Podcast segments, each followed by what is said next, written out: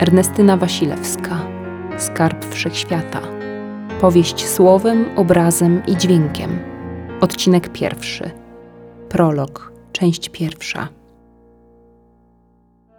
Na jeden dzień ustała wojna. Przebrzmiały grzmoty. Powietrze przestały orać wybuchy. Rozwiała się woń palonych ciał. Urwały się krzyki, trzask łamanych kości i brzęk metali. Brak było eksplozji kruszących zabudowania. Obecność pozostałych w otoczeniu dźwięków nazwano ciszą.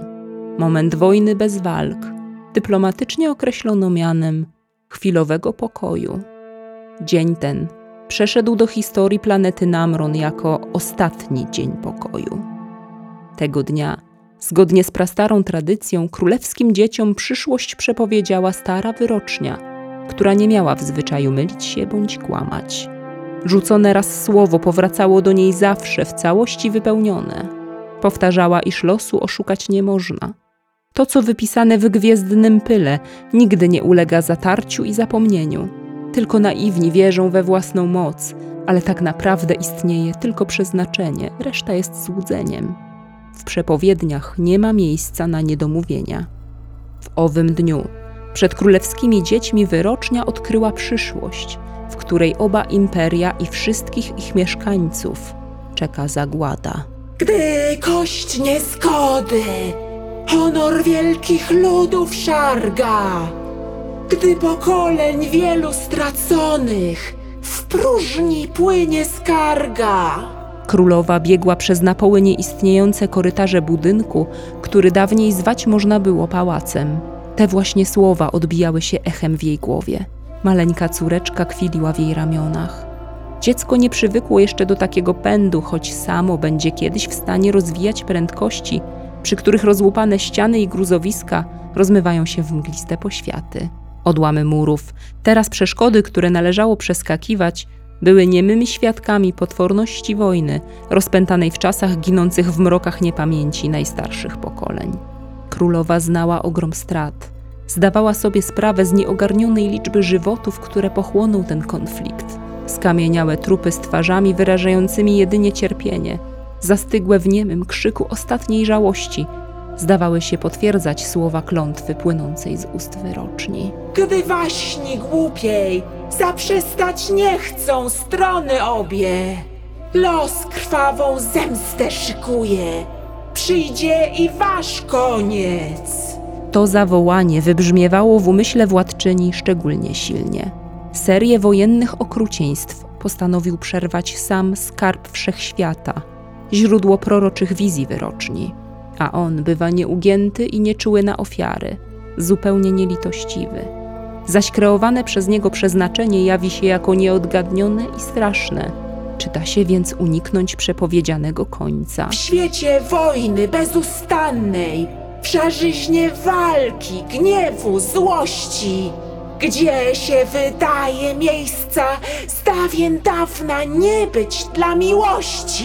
Tutaj miłość przed wiekami zastąpiono w sercach nienawiścią i rządzą rozlewu krwi, które uczyniły je niewzruszonymi kamieniami, zaślepionymi i bezmyślnymi. One pogrążyły ten świat, chylący się teraz ku upadkowi. Ratunku nie spodziewano się z żadnej strony.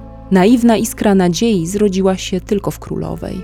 Wiara, że się nie pomyliła, że zdoła ocalić to dziecko, a to dziecko wskrzesi kiedyś ten upadły świat, o ile otrzyma taką szansę. Właśnie miłość, zamiast budować, śmierci przyczyną się stanie. Śmierci? Przecież śmierć jest tutaj zjawiskiem wszechobecnym lecz w słowach klątwy chodziło o śmierć straszliwszą niż ta codzienna, do której zdołano przywyknąć. A dalszych słów królowa nawet nie chciała sobie teraz przypominać. U wielu jej rodaczek budziły zbyt wielki wstręt, obrzydzenie. Dla niej byłyby piękne, gdyby nie niosły ze sobą na końcu wizji okrutnej przyszłości. Jeden kamień nie zostanie. Jeden kamień, jeden kamień, nawet jeden.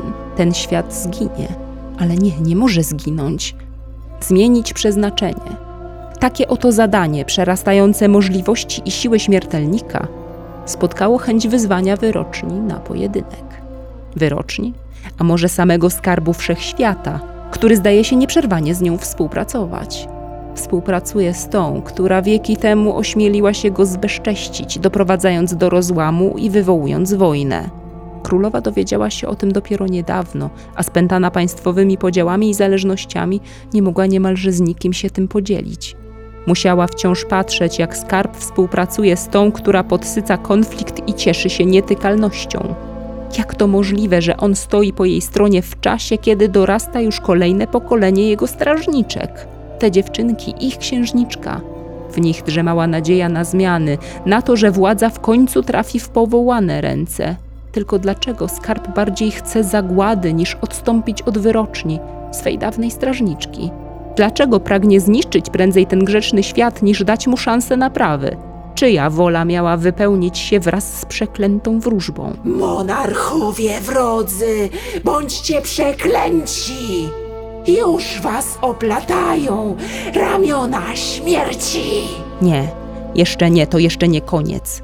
Przepowiednia się nie wypełni. Ten świat można ocalić.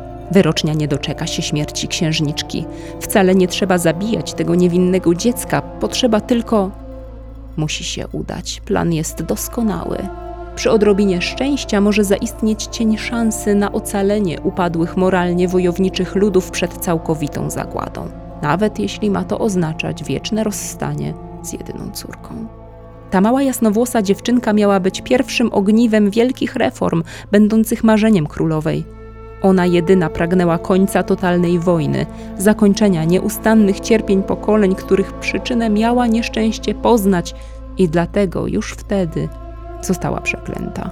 Stara, nieśmiertelna wyrocznia zanadto urosła w swej potędze i zaczęła burzyć porządek władzy w imperium, którego była niestety także tworzycielką. Aby ukrócić jej zapędy, królowa musiała dopuścić się czegoś zaiste drastycznego. Kluczem do zmian miała być właśnie jej córka. Jej wyjątkowość sprawiła, iż królowa jako pierwsza od wielu wieków zdecydowała się urodzić dziecko tak, jak nakazuje natura. Natura aż do teraz całkowicie lekceważona, wciąż poprawiana, zmieniana przy pomocy nowoczesnych technologii wbrew wszelkim prawom. W jaki sposób na świecie, w którym brakuje rodzicielskiej miłości, w którym zapomniano, do czego stworzone zostało serce, a słowo matka określa osobę najniższej kategorii, miały powieść się jakiekolwiek próby zmian. Czyżby jednak to te niepowstrzymane przez lata praktyki były przyczyną zbliżającej się nieuchronnie klęski? Czy to dlatego rozgniewał się skarb wszechświata i nie odstąpił od współpracującej z nim wyroczni? Dlatego poparł wersję polegającą na unicestwieniu? Najwyraźniej bardziej chce ukarać za wojnę, niż ją przerwać. Nie.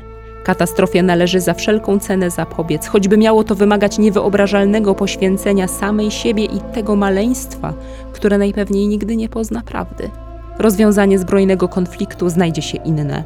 Zdruzgotany na wstępie pierwszy plan nie oznacza, że nie pojawi się następny, a w razie konieczności wiele kolejnych.